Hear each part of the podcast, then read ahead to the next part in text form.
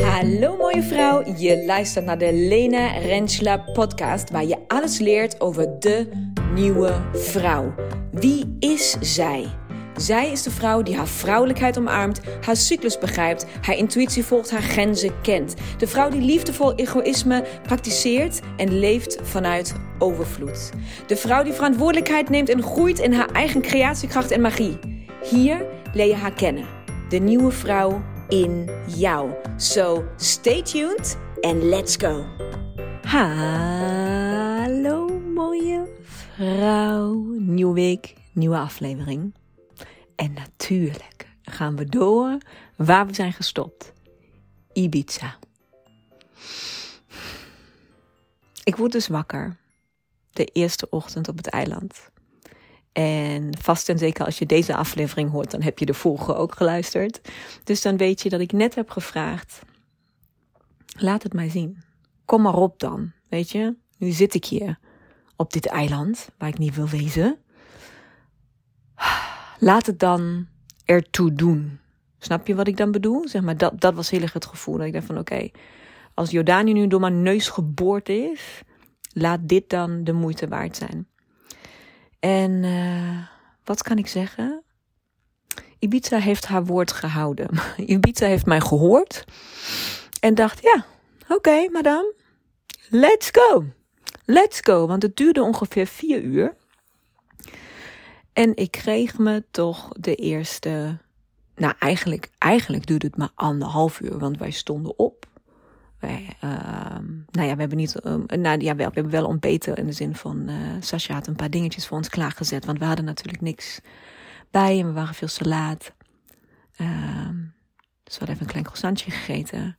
En we reden weg van het huis om naar een marktje te gaan waar ik heel graag naartoe wilde. Het was zondag, de hippie, hippiemarkt van Ibiza. Ik van oké, die is alleen maar op zondag. Als we hier dan toch zijn, dan wil ik dit wel zien. Kom maar op. Toeristenplek, uh, trekpleister nummer 1 op Ibiza volgens mij. Um, maar dit soort dingen waren allemaal, neem ik nu even voor weg. Dit soort dingen waren dus allemaal nu super fijn, um, omdat we buiten het seizoen waren. Dus alles wat nu toeristen trekpleisters zijn, normaal gesproken, dat je gewoon niet kan gaan of staan. Uh, of overal een rij en parkeerplekken te weinig en weet ik veel wat. Dat was natuurlijk nu allemaal gewoon super fijn met heel veel locals. En uh, ja, ik heb echt meer Spaans op het eiland gehoord dan een andere taal. Dus dat was echt, uh, nou, dat was dan weer heel tof. En aan de andere kant was dan weer minder was dat alle leuke bijtjes, bijvoorbeeld waar Ibiza echt, wauw, wat ben je mooi. de stranden en de bergen en het bos en de, de, de, de, ja, zeg maar die kliffen. Die, ja, gewoon het natuurgeweld op Ibiza is waanzinnig. Maar ja, alle soort van strandtentjes waar je zo mooi kan zien. Oh, hier zitten ze gewoon bij 28 graden lekker te eten en te, drankjes te doen. En daarna, ja, die waren allemaal dicht nu. Dus dat gaf het eiland een bepaalde rust en een bepaalde roeheid. Um, die voor ons nu gewoon perfect waren. Um, maar ja, dat kan ook teleurstellen. Maar ja, als je niet van popioopje gedoe houdt, dan was dit echt de perfecte periode. Maar goed, dat even een soort van als uh, tip. Wil je daar ooit naartoe? Zou ik zeker niet in het hoogseizoen gaan. Um, ik denk zelf dat oktober de allergaafste maand is om te gaan. Maar goed, ik, ik ben zeker niet de juiste persoon om voor zeg maar Ibiza tips, te vragen. Dus uh, het ging nogal om mijn eigen proces en mijn eigen dingen. Dus wij gingen, we zaten in de auto op weg naar die hippiemarkt. En ik merkte al met dat wij wegreden, dus zeg het was, weet ik wel, tien, half elf in de ochtend, dat zo van mijn maag zich omdraaide en dat ik heel erg soort van, ik kreeg bijna een soort misselijk makend gevoel en dacht van, oh shit, oh shit, ik moet volgens mij helemaal niet van het huis wegrijden. We doen iets verkeerd, daar gaat iets helemaal mis. Dus ik ging even een beetje een soort van voor me uitstaren in de auto. En toen dacht ik van, oké, wat, wat is dan hier nu mis? En van, ja, want we gingen een soort van toeristenachtige dingen doen. Hè? We gingen gewoon lekker naar een marktje en lekker een koffietje drinken. En lekker dit en lekker dat.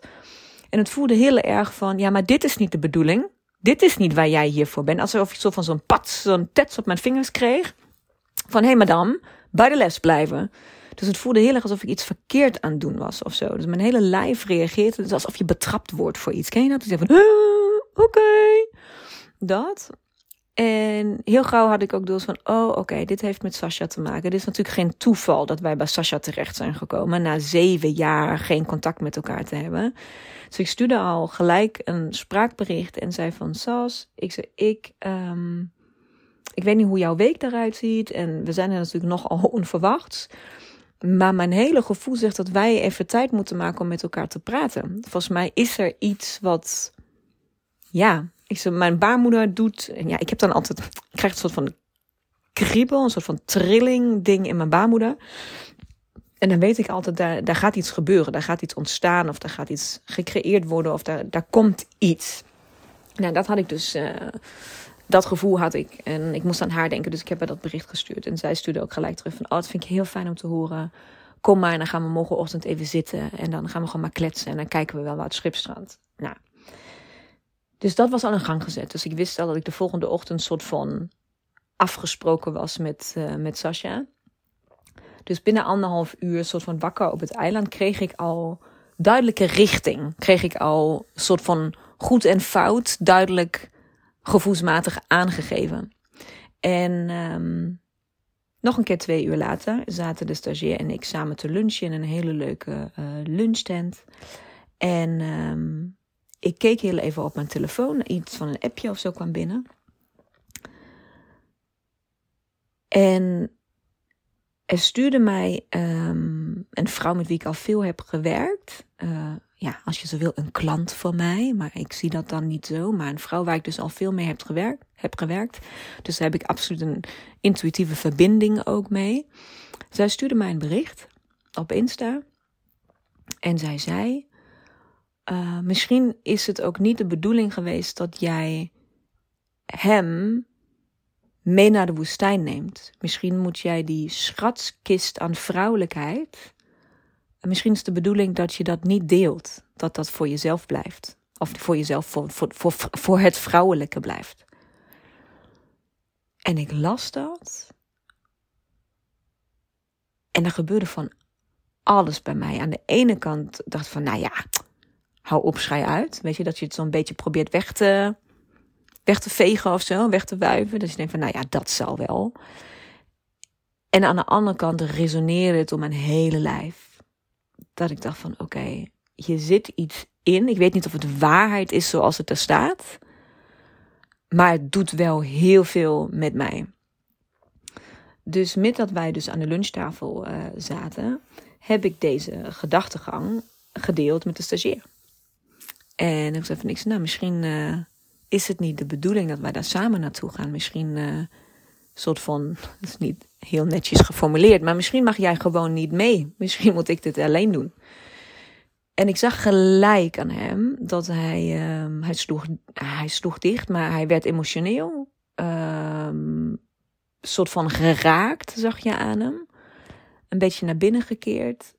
En toen dacht ik gelijk van ja, oké, maar wat, doet, wat gebeurt er nu bij jou? Wat gebeurt er nu bij mij? En toen zijn we daarover in gesprek gegaan. Nou, over exact dit. Wat gebeurt er nu bij jou en wat gebeurt er nu bij mij? En ik merkte, hij, ik merkte dat ik behoefte had om het verder uit te leggen. Maar dat ik ook nog, nog niet de woorden had om het eigenlijk verder uit te leggen. Omdat ik eigenlijk ook nog niet zo precies wist wat daar eigenlijk net gezegd is. Of wat daar eigenlijk in mijn systeem soort van hangt. En um, toen. Hmm, wat gebeurde daar eigenlijk? Toen kwamen we eigenlijk al pratende daarachter dat het. De, de spiegel kwam keihard bij mij, een soort van teruggekaatst. Want eigenlijk zeg ik dus tegen hem van, nou, ik denk dat jij daar gewoon niet bij mag zijn, want het is dus meer, hè, het is dus een vrouwelijk, een vrouwen iets en een, een het is ook gewoon mijn energetisch werk en ja, thuis laat ik daar een beetje iets van zien, maar ja, tijdens de retreats en zo en samen met Agneta gaan we wel echt veel, veel dieper dan dat en uh, nou, misschien is het toch beter als ik dat dan maar met Agneta samen doe, zodat ik dat werk dan ook daar kan doen. En um, hij vroeg simpelweg aan mij, ja, maar waarom kan je dat niet samen met mij? Ik zei, ja, weet je, ja, dat is gewoon, ja, uh, uh, Uh, en dan had Lena opeens geen woorden meer om uit te leggen waarom ik dit dus eigenlijk niet met hem kan. Hij zei van ja, maar maakt mij dan niet uit als jij, ook ga je daar je naam dansen in de woestijn, whatever. Als doe gewoon je werk. We kunnen toch samen gewoon die route lopen en dan doe jij daarnaast wat jij moet doen. Zeg maar, dat is toch, waarom kan dat volgens jou niet? Of waarom moet dat een ding zijn? En toen voelde ik hem natuurlijk al aankomen. Dus toen zat ik geëmotioneerd en uh, geraakt op de stoel. Omdat ik me besefte, dit ligt niet aan hem. Dit ligt aan mij. Waarom is het voor mij een groter probleem geweest dan ik dacht? Ik voelde hem wel vooraf ook al een beetje. Dat ik dacht van, oh ja, het had comfortabeler geweest om met Agneta te gaan. Het, had, uh, het was... Uh, ik had ook eerlijk gezegd niet verwacht dat hij ja op zeggen, zou zeggen. Toen ik hem vroeg, wil jij mee? Want anders ga ik met Agneta. Ik had niet verwacht dat hij ja zou zeggen. Dus ik was een beetje, oh, oh, oké, oh, oké, nou, oké, dan gaan wij dus. Um, dus daar zat al soort van een dingetje in. Maar toen we daar zaten te lunchen samen, besefte ik dat niet hij het probleem is, maar ik. En dat de basis van het probleem ligt in het feit dat ik dus na al die jaren van het werk wat ik nu doe, me samen met hem uh, thuis misschien ook nog steeds niet 100% comfortabel voel. Of me nog steeds niet comfortabel genoeg voel om 100% dat stukje van mij te laten zien. Dat dat toch nog een element van angst voor afwijzing, angst voor oordeel onder zit. En dat ik dat met mijn vrouwen samen in mijn veilige bubbels, als de retreat of de, de, de woestijnreizen of dat soort dingen, helemaal niet heb. Juist daar me helemaal in kan duiken en daarin kan ja, onderdompelen. Maar nou, daar op Ibiza tijdens deze lunch kwam dus pijnlijk duidelijk naar boven dat dat thuis nog niet het geval is. In dit geval wilde ik dus thuis mee naar de woestijn nemen. En feit is, ik had waarschijnlijk toen nog niet kunnen doen wat in Jordanië nodig was geweest om te beoordelen, om te voelen um, of het de juiste plek is voor een andere soort reis. Dus het klinkt een beetje gek achteraf, maar bij wijze van waren we daar voor niks geweest, omdat het inderdaad gewoon een wandeltocht was geweest, die honderdduizend andere mensen ook samen kunnen doen, maar zat het hele verdiepende stuk van vrouw zijn, van, van, van het energetische, dat hele werk, had ik wellicht in ieder geval niet op die manier kunnen doen, of had ik me bezwaard gevoeld, of wat dan ook. In ieder geval wat naar, wat naar boven kwam, was heel erg dat ik de boel belemmer. En niet hij. Dat ik me niet comfortabel voel om, om mijn volledige zelf te laten zien. En dan weet ik nog niet eens of het is aan hem te laten zien of aan mezelf. Heb ik mijn eigen ego oordeeld over mij. Want hij oordeelt niet. Hij heeft nog nooit geoordeeld. Met elke gekkigheid waar, waar ik mee naar huis kom. Alles wat ik maar weer verzin.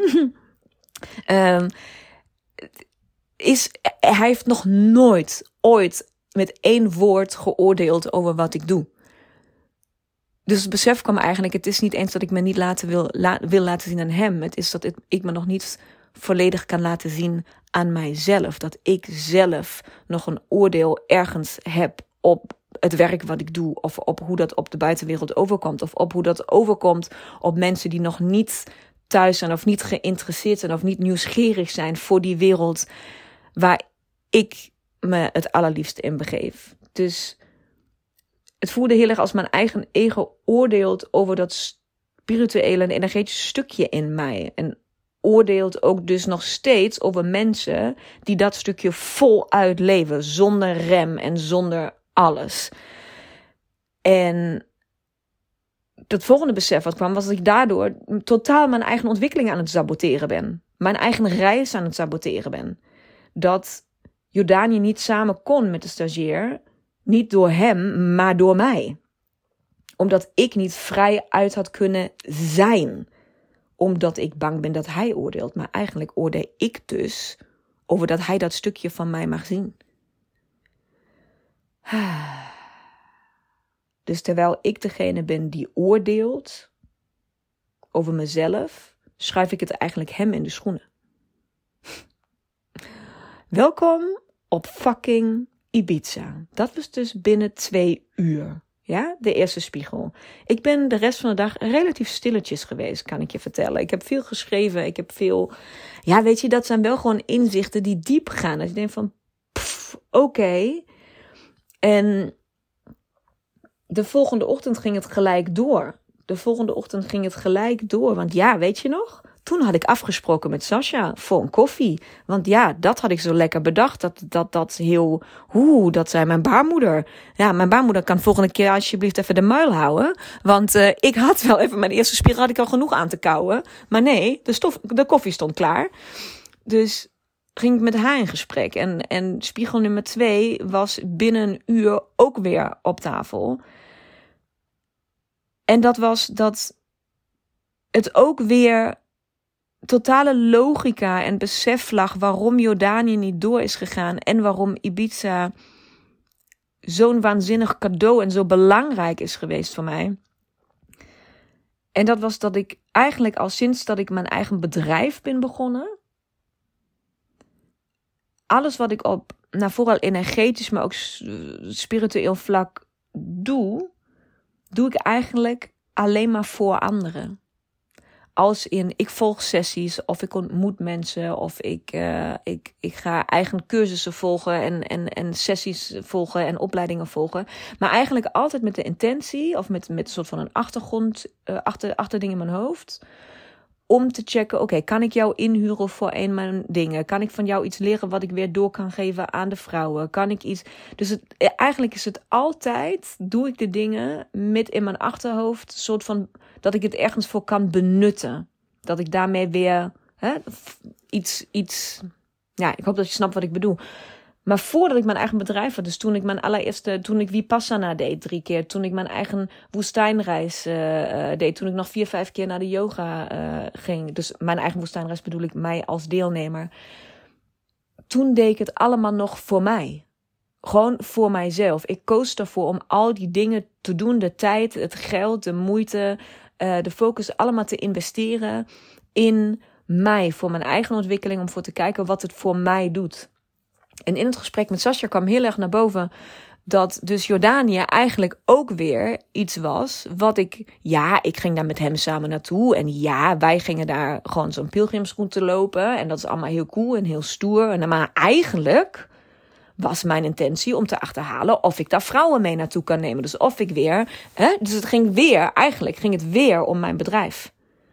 En als ik één ding 100% weet, dan weet ik dat de dag niet gaat komen dat ik een retreat, een, een sessie, een whatever op Ibiza ga organiseren. Bij deze, beloofd. Gaat niet gebeuren. Tenminste, daar moeten nog heel veel dingen gebeuren. Ik kan me niet voorstellen wat, welke puzzelstukjes in elkaar moeten vallen dat dat gaat gebeuren.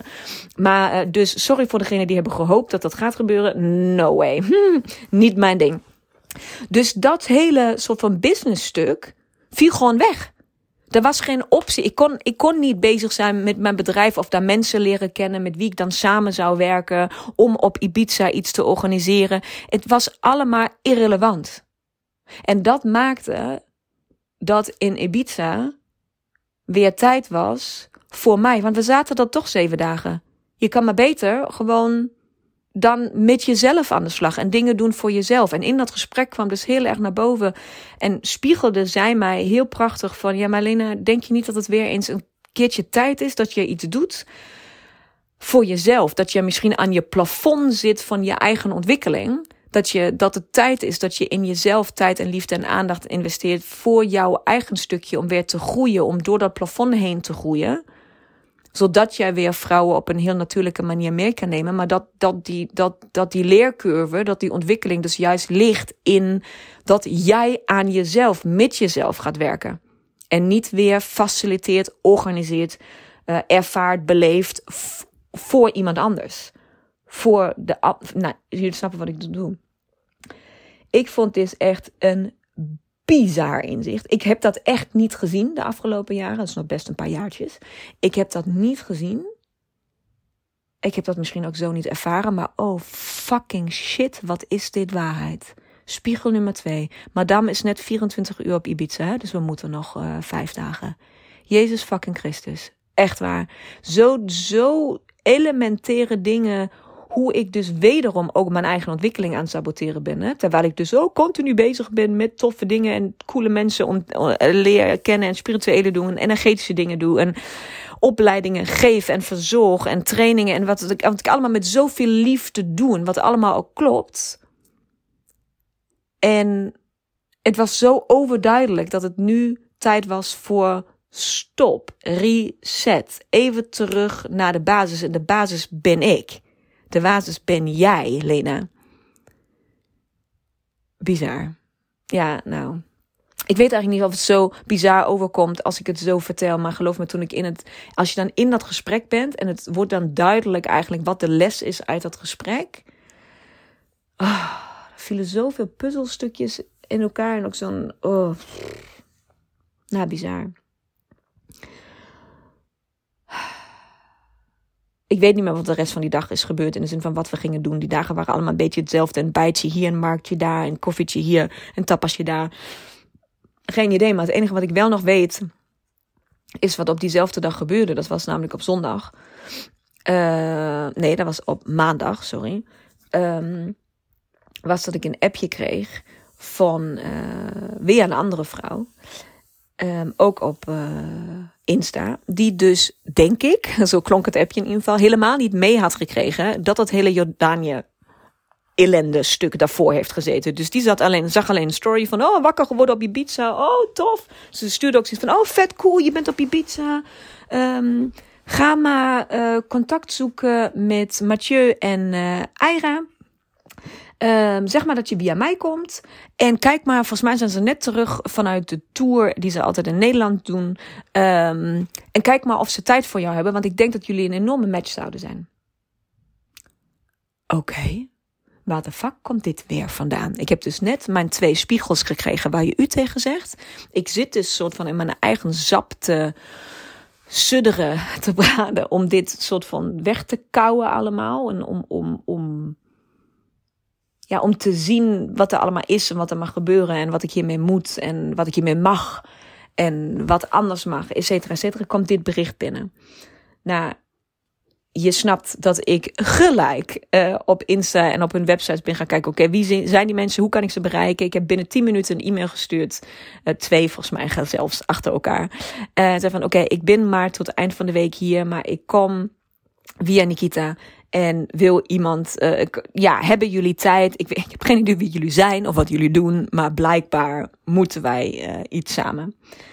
Um, en zo kwam de volgende dag had ik Mathieu aan de lijn. Hij belde mij en hij zei van nou, uh, als jij via haar komt, dan gaan wij sowieso tijd voor jou maken. Want dan sta jou bovenaan aan de lijst bij ons. Dus kom maar op, die match zou niet voor niks zo gemaakt zijn. Wat gaan we doen?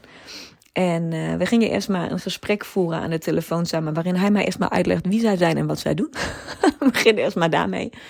En het is een prachtige match, deze twee uh, zielen bij elkaar. Het is uh, Mathieu die vooral het energetische stukje doet. Dus um, naar activatiesessies en personal healing, personal reconnection. Um, naar alles wat echt energetisch werk is. Als in jij ligt op een uh, massagetafelachtig uh, ding. En nou ja, als je, naar, als je daarnaar kijkt, dan doet hij vooral heel veel rare dingetjes met zijn handen en loopt een beetje om je heen en doet een beetje hocus pocus. En van, ja, het zal wel. Maar als je een beetje gevoelig bent, dan um, kan je wel heel duidelijk voelen um, dat het iets in beweging brengt. Je zal zo ook een beetje delen wat het voor mij heeft gedaan. Um, en je hebt uh, Aira, die, nou, de meeste van jullie hebben denk ik gezien op mijn Insta, die zowel met haar stem en haar klanken en haar muziek. Um, nou, waanzinnige dingen in je bewe ja, kan bewegen.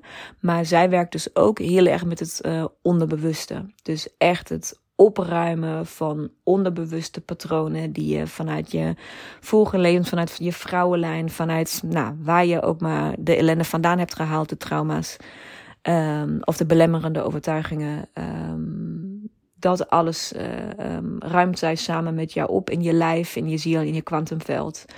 Ehm, en samen, de sessies die zij dus dan samen geven. Dus ze hebben een heel mooi traject wat soort van opbouwt, om het maar zo te zeggen. Daar heb ik dus nu de eerste stappen van doorlopen. Um, ja, kijk maar op hun, kijk maar, kijk maar op de website. Ik zou in de, in de Spotify aflevering zetten, zeg maar, de website, uh, en weet je, in de tekst die daarbij staat, dat jullie ze kunnen vinden. Maar het is een prachtig mooi traject wat zij samen hebben gesteld, waar je eigenlijk begint met, uh, met opruimen en schoonmaken en releasen en alles, nou, uit, vanuit je, vanuit je moederlijn, vanuit je vaderlijn, of vrouwenlijn, mannenlijn en vanuit je kindheid, vanuit je kind zijn, wordt opgeruimd op, op onderbewust niveau en vanuit daar ga je uh, met Mathieu in een, uh, een tweede, tweedelige sessie, een activatiesessie, waarin hij nou ja, allerlei punten binnen jou uh, activeert. En de volgende dag, of de volgende keer dat je elkaar ziet, in mijn geval is de volgende dag, um, gaat het om een, om een personal reconnection sessie. En, um, en vanuit daar kan je dan nog veel verder. En nou ja, weet je, kijk dat maar na. Maar Weet je wat het voor mij heeft gedaan? Weet je, weer deze synchroniciteiten. Dat ze denken van wat een toeval dat zij daar zijn op dat moment waar ik daar ben. Wat een toeval dat, dat, ze, dat we tijd voor elkaar kunnen maken. Wat, wat bijzonder dat de stagiair daar dan ook de tijd en de ruimte voor geeft. En zegt van ja, weet je, ik ga wel even alleen aan een bijtje zitten. Uh, ga jij maar gewoon je ding doen. Blijkbaar moet jij dit hier doen. Uh, dat wij uh, gesprekken voeren over de sessies die plaats hebben gevonden. En ik dus daarmee alweer veel meer laat zien van de dingen die ik eigenlijk dus stiekem zo vaak doe als hij er niet bij is. En um, een stukje delen van de sessies die ik met Mathieu en Aira mee heb gemaakt waren sowieso. Um, het mooie wat ik daaraan vond is. Um, de sessies zijn echt. Als in, ja, je zit op Ibiza en ik noem het maar de Efteling voor rijke mooie mensen. Weet je, alles is een beetje nep en een beetje um, esthetisch en mooi en, en mindblowing en fantastisch. Um, maar wij hebben sessies gewoon, we hebben, ja, we hebben de sessies gedaan buiten in de natuur en in de zon en prachtig zoals jullie het hebben gezien uh, op Insta. Maar we hebben ook sessies gedaan gewoon in de woonkamer. Gewoon met een tafeltje in de woonkamer. Links de tv, rechts de kast uh, en de bank. Uh, en je kon vanuit daar de keuken inzien. En ook daar kan je gewoon de meest waardevolle, prachtige sessies doen. En dat vond ik bijzonder aan deze twee. Dat het dus, ja, het is Ibiza, maar ja, het hoeft niet op de Ibiza manier. Je kan de natuur en de soort van de natuurlijke backdrop en de krachtplekken daar benutten maar het is daar overal. Als je het maar toelaat, als je daar doorheen kan prikken. Dus je, voor op foto en op film is het natuurlijk bijzonder mooi. Maar het is daarom niet minder krachtig als je het gewoon in een appartement doet. Zonder infinity pool en villa, maar gewoon normaal.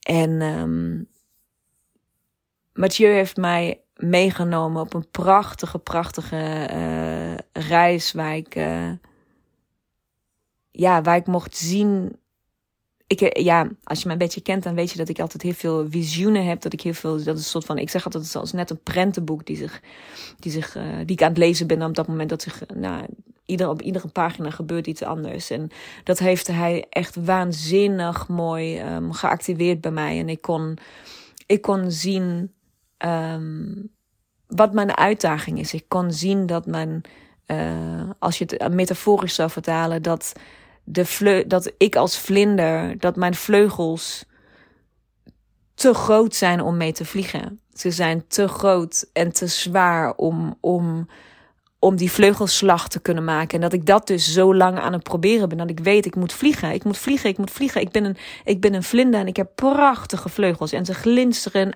alle kleuren. En het is, het is gewoon, maar ik krijg, ik krijg het gewoon niet. Ik ben, ik ben te zwak ik krijg, niet, ik krijg het niet gedaan. Dus ik heb een moeder Wilg. Dat is altijd een beetje mijn. Uh, een hele persoonlijke metafoor. Ik zie haar als wanneer ik moeder natuur, wanneer ik Pachamama, wanneer ik. Um, wanneer ik mijn, wanneer de, de innerlijke wijsheid komt, dan zie ik, weet je, moeder Wilg, zoals bij Pocahontas, die boom die praat. Nou, dat is van mij, die zie die komt bij mij op dit soort momenten en zij vertelt mij dingen en zij, um, zij laat mij dingen zien. En um, dus ik was bij haar en dat hele vlinderverhaal gebeurt. En ik vraag me om hulp. Zeg, laat dan zien hoe ik moet vliegen. Leg het mij uit. En zij ging soort van haar wind, soort van blazen onder mijn vleugels. En zei van, ga dan, kom op. Als je denkt dat dit het is, ga dan, ga dan. En ik zei van, ja, maar ik kan niet. En toen ging ik toch soort van de lucht in. Maar het voelde oncomfortabel en het voelde zwaar. En ik had het idee van, iedereen kijkt ook naar mij. En mijn vleugels, is totaal, zeg maar, de verhoudingen kloppen niet. Mijn vleugels zijn zo groot. Met mijn kleine lijfje. Het is gewoon, ja, alles voelde gewoon ongemakkelijk en onprettig. En... Uh, het volgende soort van de volgende bladzijde, als je het volgende plaatje was, dat, dat, dat, die, dat die hele vlinder soort van in een kokonnetje, in een, in een gouden lichtkanaal, uh, goud-wit licht zat. En, en nou, overal glinsteringen en waanzinnig mooie plaatjes. En dat hij zich gewoon, gewoon maar bleef draaien, draaien, draaien, heel rustig. En ik heb daar, voor mijn gevoel heb ik er uren naar gekeken. Gewoon dat plaatje. En je, ja, je kijkt ernaar en je staat erbij. Of je staat ernaar en je kijkt ernaar. Zo, weet je, je, weet ik veel wat, wat daar net gebeurt. Maar het, is, het, ziet er, het ziet er waanzinnig uit. En het is inspirerend. En het is kalmerend. En het is opwindend. En het is alles tegelijk. En het volgende plaatje, soort van de volgende pagina, was voor mij het, um, het, het besef dat ik niet hoef te vliegen. Ik zag die vlinder met die idioot grote vleugels. Die soort van op een, op een soort van zo'n klein podestje, weet je, wat zo ronddraait. Dat, dat je hem van, van alle kanten kon zien. En die, die vleugels die in zoveel kleuren waren. Dat het, en daar kwam licht doorheen. Dus alles, net als zo'n glas- en lood reflectie, weet je. Dat alles zo in alle kleuren van de regenboog reflecteerde alle kanten op. En het enige wat ik hoefde te doen was staan. Ik hoefde daar alleen maar te zijn. Ik hoef niet te vliegen. Ik hoef mezelf alleen maar te laten zien. Ik hoef alleen maar te zijn. Ik hoef geen krachtact te verrichten. Ik hoef alleen maar te zijn. En daarvoor heb ik genoeg kracht. Ik kan hier staan en ik kan mijn vleugels oprichten en gewoon staan. En het volgende plaatje was dat, nou, ik zeg maar even jullie allemaal, dat iedereen, dat iedereen naar mij, ik hoefde nergens naartoe te vliegen, want iedereen kwam naar mij toe. Iedereen kwam of schuilen of bewonderen of juichen of huilen of iedereen kwam iets doen bij mij. Zoveel dat ik op een gegeven moment geen, bewijs van geen gezichten meer kon zien, maar dat het gewoon een, een menigte was. Een, een, nou, dat, dat soort dingen heb ik op Ibiza gedaan. en dat, zijn, dat is dus een voorbeeld van, van de sessie die ik, uh, die ik met Mathieu had gedaan. Die hij, met, die hij mij, uh, ja, die hij begeleidt uh, zonder woorden. Hij zegt geen woord de hele tijd. Dus het gebeurt allemaal in mijn hoofd. Maar met dat hij zijn magie over mijn lijf laat lopen, uh, is dat wat bij mij aangezet wordt. En um, weer een dag later waren we in die, in die omgeving waar jullie de beelden op Insta hebben gezien. En, en ging Mathieu weer zijn energetisch stukje doen. En tegelijkertijd ging uh, Aira nu uh, spelen en zingen. En heb ik op een gegeven moment de, de uh, handpan op mijn baarmoeder staan. En zijn ze dus op, op mij, met mij aan het werk. En ik lig daar gewoon. En dat is dus een stukje personal reconnection, wat ze dan, ja, waar ze de intentie op zetten. Waar je terug komt echt naar de bron, echt naar de source. Nou, oké, dit, dit is waar jij vandaan komt. En dit is wat je weer mag herinneren. En dit is wat je, uh, waarvoor je hier bent. En dat is hoe het hoort te voelen of hoe het hoort te zijn. Of uh, jij bent één met de kosmos en met de natuur en met alles. En nou ja, dat hele stukje. En ik lig daar.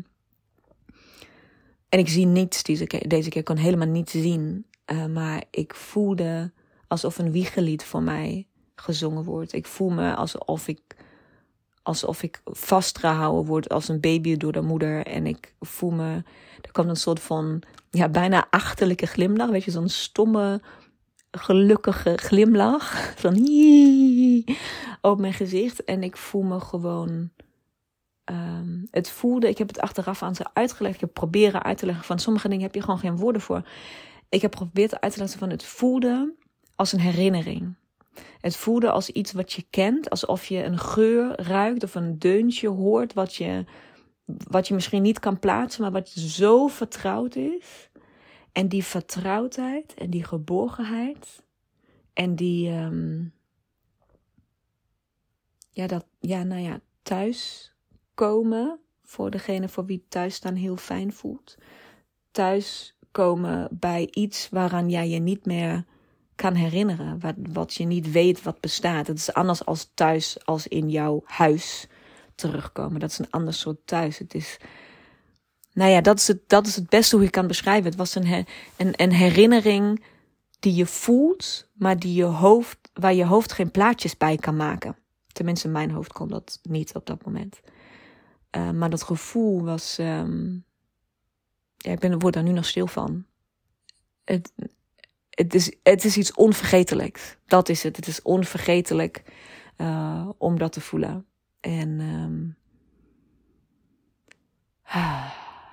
ja, Ibiza, jongens. Dit is. Dus de, de. Snappen jullie ook hoe de spiegels.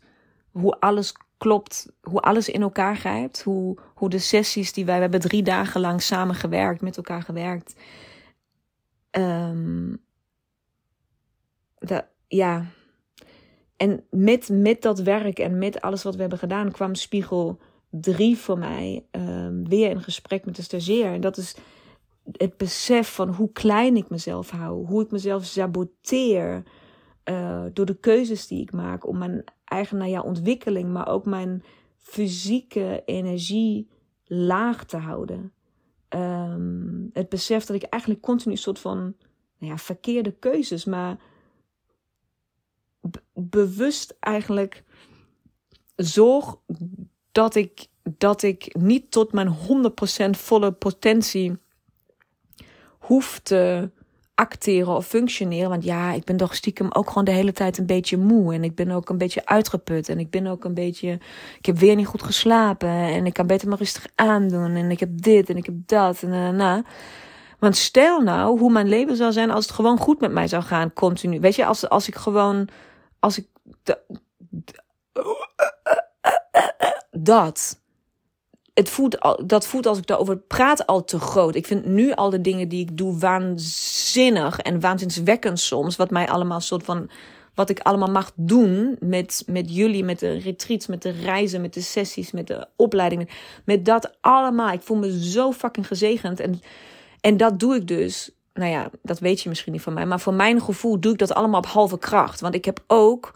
Ik heb mijn bedrijf opgebouwd tussen twee kinderen. En ik heb twee kinderen in één jaar geboren.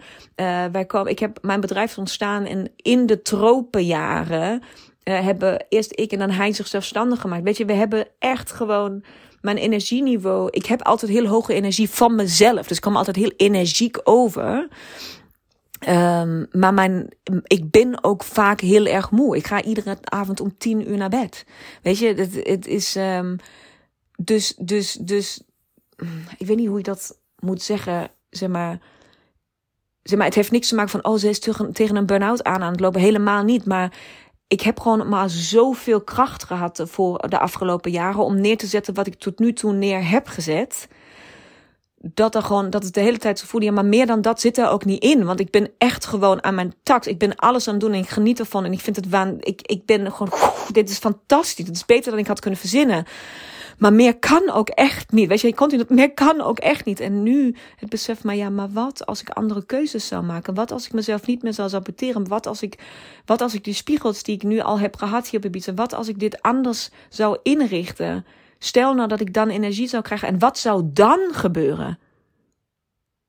Stel dat je dit allemaal had gedaan, niet in de tropenjaren, met een verzwakt lichaam van twee zwangerschappen binnen één jaar, binnen één kalenderjaar, of nou, twee geboorte, bevallingen. Weet je, wat, wat gaat er allemaal nog komen? En wat gebeurt er als ik hier, nu, vandaag stop dat te saboteren?